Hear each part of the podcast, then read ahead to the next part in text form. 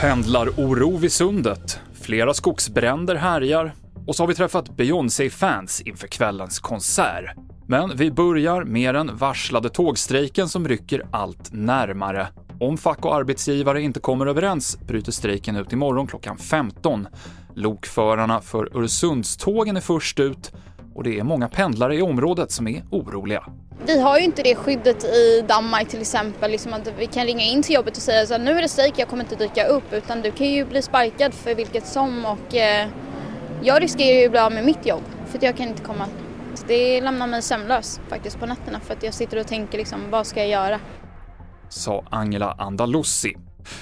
En man har förts till sjukhus med allvarliga skador efter en explosion i en ammunitionsfabrik i Karlsborg på eftermiddagen.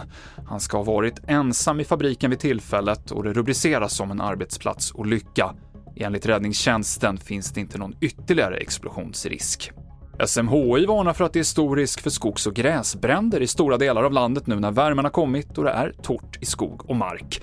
Det härjar en skogsbrand mellan Ulricehamn och Borås där räddningstjänsten uppger för BT att det lär bli en långvarig insats. Och i Norrtälje kommun brinner det i ett 30 000 kvadratmeter stort skogsområde och räddningstjänsten vattenbombar med helikoptrar, rapporterar Norrtälje Tidning.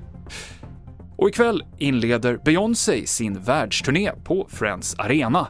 Fans från hela världen har vallfärdat till Solna och det gäller att vara på plats tidigt om man vill stå långt fram på konserten. Eh, jag har varit här sedan klockan fyra i morse. Eh, vi fick dock inte börja köa då så vi fick ju eh, stanna i bilen ett tag men sen vid fem då smög vi hit ändå och satte oss. Så några timmar nu har vi varit här. Och du berättade för mig innan att du är ett Beyoncé superfan. Berätta, eh, vad betyder Beyoncé för dig? Nej men alltså herregud, alltså jag lyssnar ju på henne varje dag. Jag känner mig liksom, hennes röst blir som en del av mitt liv. Jag har ju med mig den varje dag liksom. Det blir en sån komfort för mig att höra hennes sjunga och därför är det så här att jag ska få höra henne på riktigt och inte på en inspelning. Alltså, jag tror inte jag kommer kunna hantera det. Sa Matilde Petré till vår reporter Filippa Fernqvist tidigare idag. Det avslutar TV4-nyheterna med Mikael Klintevall i studion. Ny säsong av Robinson på TV4 Play.